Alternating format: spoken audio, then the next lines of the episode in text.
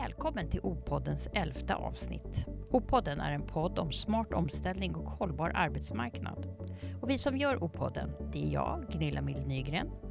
Och det är jag, Ann-Sofie Sjöberg.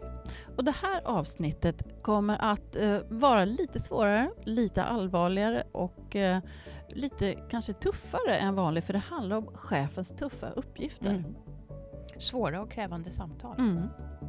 Och bara det här att hantera oro inför omställning och uppsägning är ju i sig en utmaning. Och idag har ju också chefer fått klara svåra situationer och oro under pandemin mm. som vi har levt med i över två år nu. Och strax när vi trodde att det, det snart skulle bli som vanligt igen, då kom kriget. Till Europa. Mm. De här svåra samtalen kräver mycket av chefen i form av att man faktiskt har en genomtänkt plan och en genomtänkt process. Mm. För det finns så himla mycket att vinna på att göra det här bra eftersom man bidrar till att ge de här medarbetarna som blir uppsagda ett, eh, lite framtidstro och man dessutom mm. bevarar sitt arbetsgivarvarumärke mm. om man ska vara helt krass. Ja, och det är ju oavsett om det är en företag eller organisation eller en myndighet. Och här vill vi också säga att det här avsnittet det gör vi i stolt samarbete med Trygghetsstiftelsen och det är den omställningsorganisation som ger stöd till den som jobbar statligt.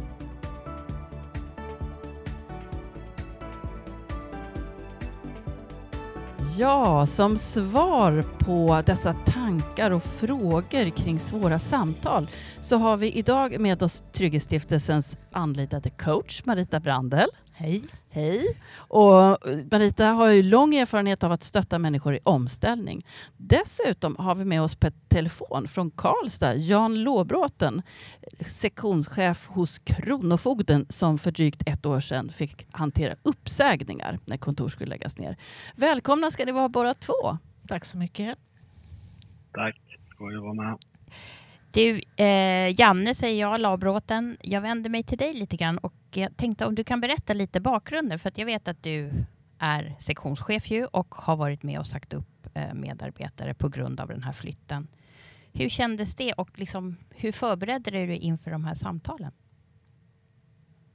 Mm, det, det, vi gjorde det var en eh, omlokalisering och där vi bland annat stängde några kontor och det, var, ja, det var en ganska stor och omfattande process och um, tufft för medarbetarna som påverkades av det. Men det, hur var det att, um, då var väl alla ganska förberedda också på att det kunde bli uppsägningar kan jag tänka mig? Det var en tuff process för de medarbetare och individer som eh, berördes av det här mm. beslutet. Mm första beskedet om omlokalisering när det kom då hade vi framtaget informationsmaterial om beslutet och vad det grundade sig på och vad beslutet var. Sen eh, är det väldigt tuffa besked för medarbetare att få där och då. Och mm. I samband med att man meddelar det så växte väldigt mycket frågor till liv hos mm. medarbetarna. Mm. Vad fick du för, för reaktioner från medarbetarna? Första reaktionen var liksom tystnad och att det är chockartat för dem.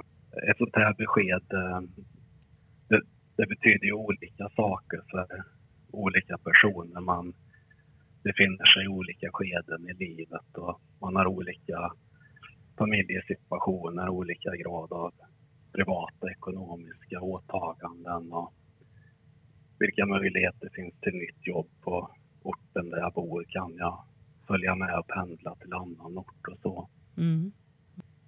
Kände du att det ändå blev bra? Ja, så här i slutändan så har det landat in väl för alla. Det känns väldigt bra. Jag tänker att vi kan bolla in Marita lite grann för att där kan man ju också dels ge lite goda råd faktiskt vad man ska tänka på eh, när man gör sådana här. Det är ju alltid svårt oavsett hur mycket man förbereder sig. Men det finns ju ändå sätt att göra det lite mindre svårt. Ja, när jag lyssnar på Janne så tänker jag just det här hur väl han hade förberett sig när första beskedet om att det skulle ske en lång en, en omlokalisering. Då vet man ju ännu inte hur många som ska sägas upp och vilka som följer med. Man har ju väldigt lite svar. Mm. Och den kan jag föreställa mig var den svåraste tiden innan man har möjlighet att ge några direkta besked till var och en. Eller vad säger du, Janne? Jo, det var en tuff tid. Under den tiden så är det ju många tankar som går genom deras huvuden hur livet mm. ja, kommer att förändras och så. Mm. Mm. Precis det där med reaktioner tänkte jag lite på hur olika olika individer reagerar och kanske mm. också under processen. Marita, du har ju träffat många då som har kommit till dig som varit med om omställningar. Vilka Precis. reaktioner? Ja, alltså det är ju omöjligt att veta hur var och en reagerar. Och så man, vad, vad, man kan göra i det här första skedet det är ju att vara så informativ och ärlig som man kan och de underlag, utifrån de underlag man själv har. Mm.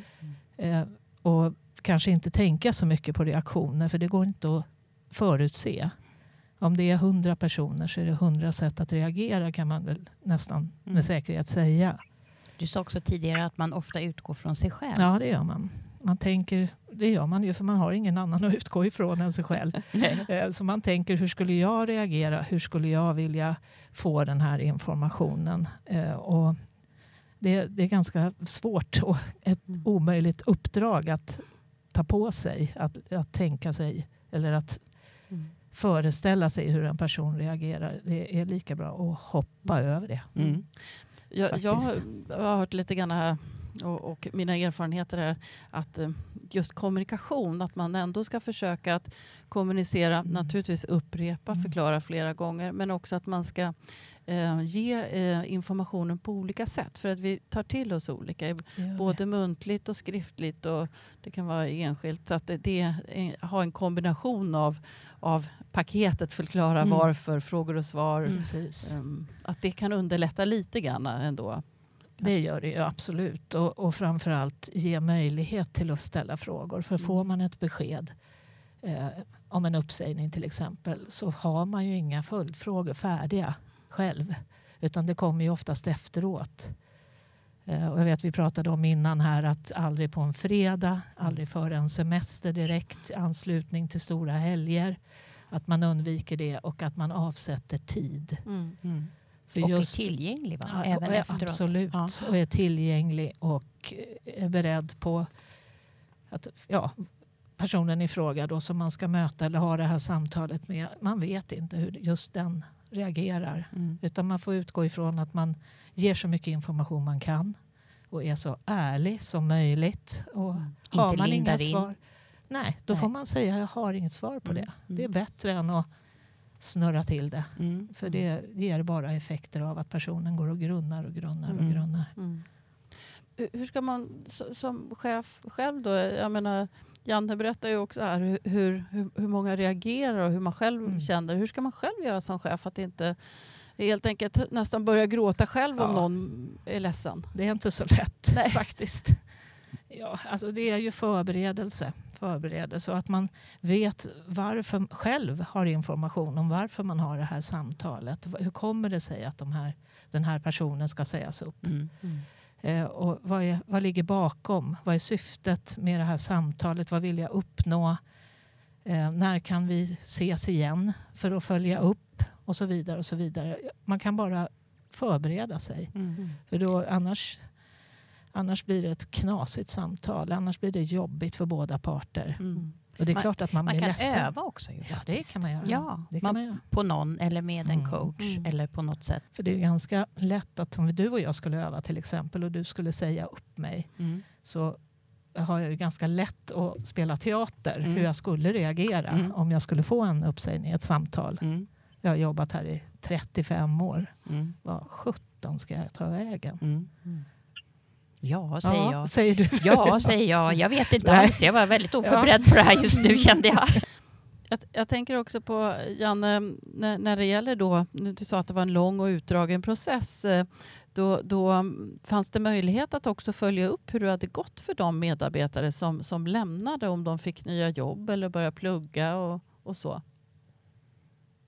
Ja, jag har, har varit med om he, he, hela, hela vägen där och även haft kontakt med de som blev uppsagda här och eh, det, det, har fallit ut väl och de har kommit vidare på ett, på på ett bra sätt. Eh, de, de, är ju inte ett kollektiv utan enskilda medarbetare så med, eh, utifrån vart de befinner sig i livet och så, så är de också på olika ställen i den här processen. För det gäller att, tror jag, att bemöta och fånga upp och göra det så bra för var och en utifrån hur deras tankar går och mm. vilka möjligheter de har framåt. Och, det är klokt. Mm. Eh, har jag haft bra stöd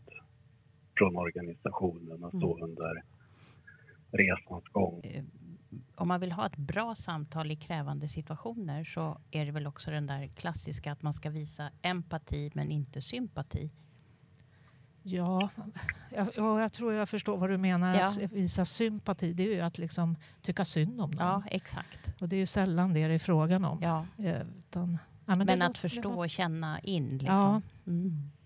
Och jobbar man som chef, då är det ju det ingår i chefskapet exakt. att mm. uh, försöka förstå hur den andra personen reagerar och känner i mm. vissa lägen. Och mm. det som påverkar arbetet. För mm. allt vi gör och allt vi upplever påverkar ju hur vi presterar på jobbet. Ja, ja men så är det ju. Men ändå är, hör man ju...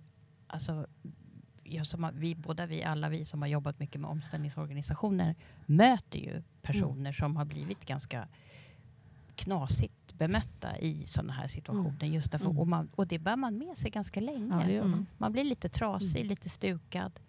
Så, så även om, nej men precis, så även om det här liksom det, det, finns ju ändå massa eh, ledarskapslitteratur. Mm. Man, får, man, kan få hjälp av en coach, man kan få mm. hjälp av en omställningsorganisation, av sina egna chefer, HR.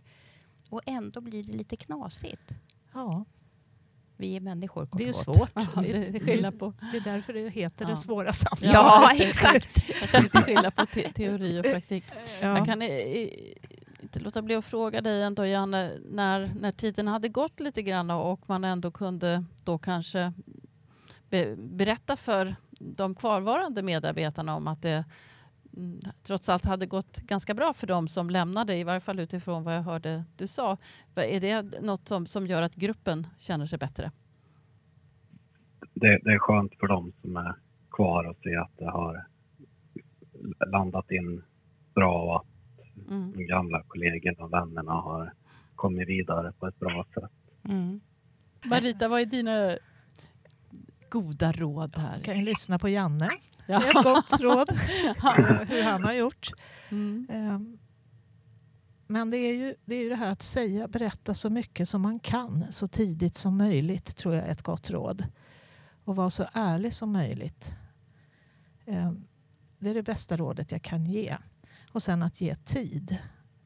Uh, man träffas kanske en, två, tre gånger med en person som får ett sånt här besked och det kanske inte ens räcker med det. För då, så, så den här uppsagda människan får en möjlighet att få ur sig allt det här som, som ändå händer. Mm, mm. Och som Janne berättade, när det dessutom är en ort där man sin bästa kompis är uppsagd, men inte jag. Alltså det, det, då är det ju en till som är någon form mm. av offer för det här beslutet eller den här nedläggningen som också behöver prata. Mm. Så det, det, det går inte att undvika. Det, kommer, det tar tid och det, det måste få göra det. Mm. Och sen det här du sa om aldrig en fredag.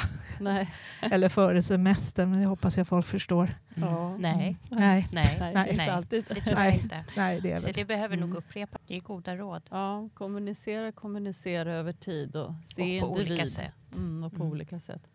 Är det lätt som chef när man sitter i ett sånt här samtal att man liksom börjar är det rätt tidpunkt att göra det? Nej. Nej, Nej. jag ska aldrig bli chef. Nej, men det är, det är väl också mänskligt att man vill försöka lätta upp och man vill försöka trösta genom att peka på en massa möjligheter som ges och sådär. Men där och då är det nog inte läge. Nej, jag insåg Nej. nog det. Men det är Nej. bra att, att lyfta ändå, Ja. eller hur? Ja. Mm. Men du, ska Ja. vi... Det är svårt och det är... De här samtalen kan, behöver inte alltid handla om uppsägningar. Det kan handla om oro, Mm. det kan handla om personliga problem eller vad det nu kan vara. Men det är alltid lika krävande Mm. och kräver att vi liksom tänker till lite Mm. innan vi går in i det här rummet Mm. eh, med den som berörs. Mm. Det kan man ju vara överens om. Planering, förberedelse och träning är Mm. väl en, en Ja, och kommunikation, kommunikation, Kommunikation. Och ärlighet. och ärlighet ärlighet. Tack så jättemycket för att du var med Mm. från Tack Karlstad. Ja, Stort tack. Och- Tack. då Precis. tackar vi även Marita Brandel för väldigt Mm. bra och insiktsfulla råd.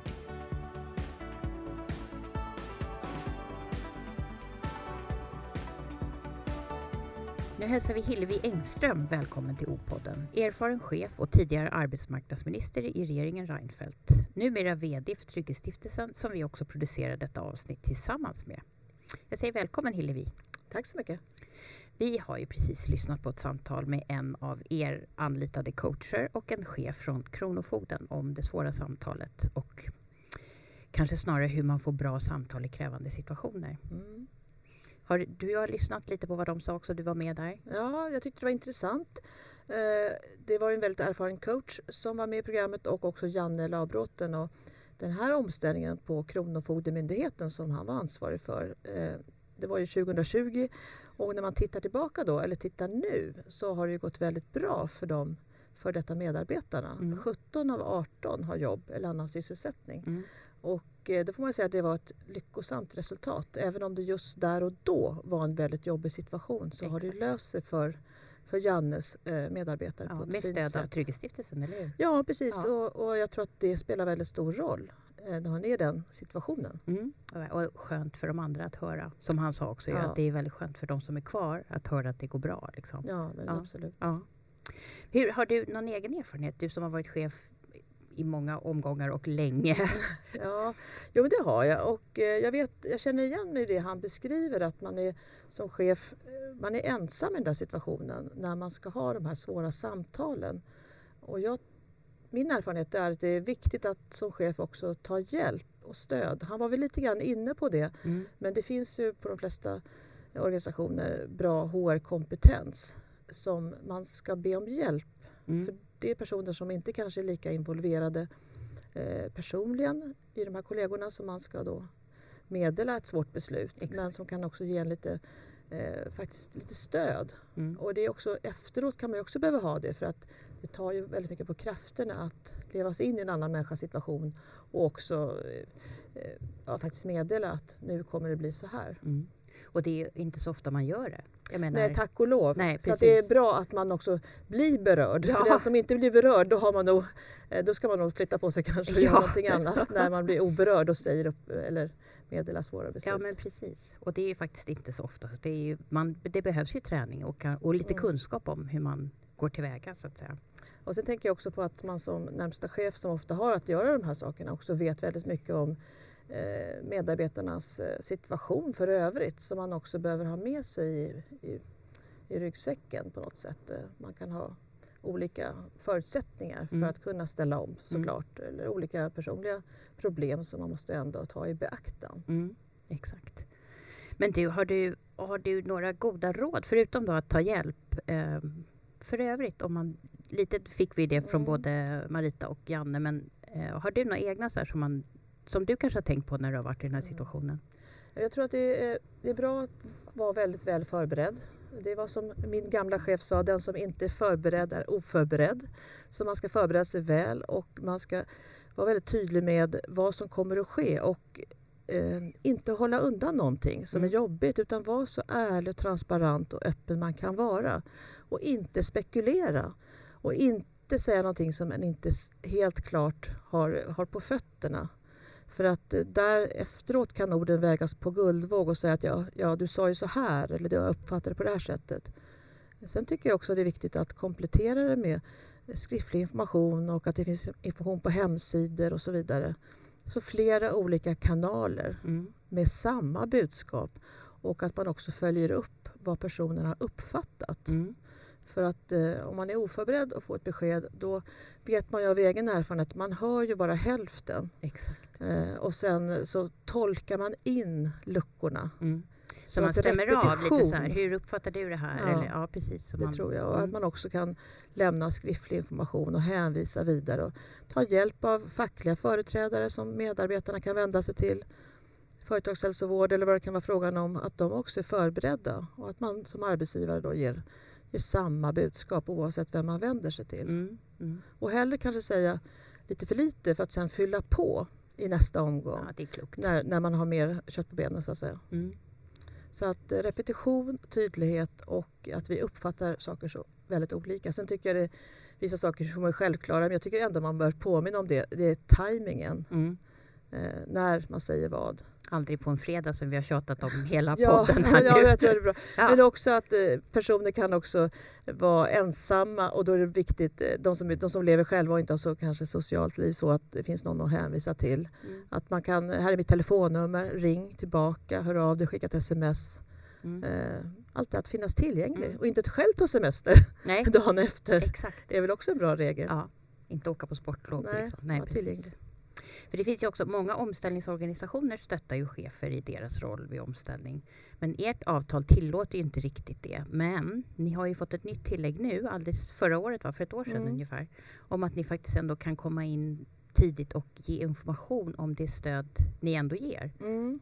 Det, är, det är jag väldigt tacksam över. Jag tycker det är fullt naturligt att eh, vi kan ge information både till eh, chefer och fackliga företrädare men också till medarbetare. För att mm. det är lite grann också igen det här med repetition. Man känner igen oss. Ja, just det, de här från Trygghetsstiftelsen.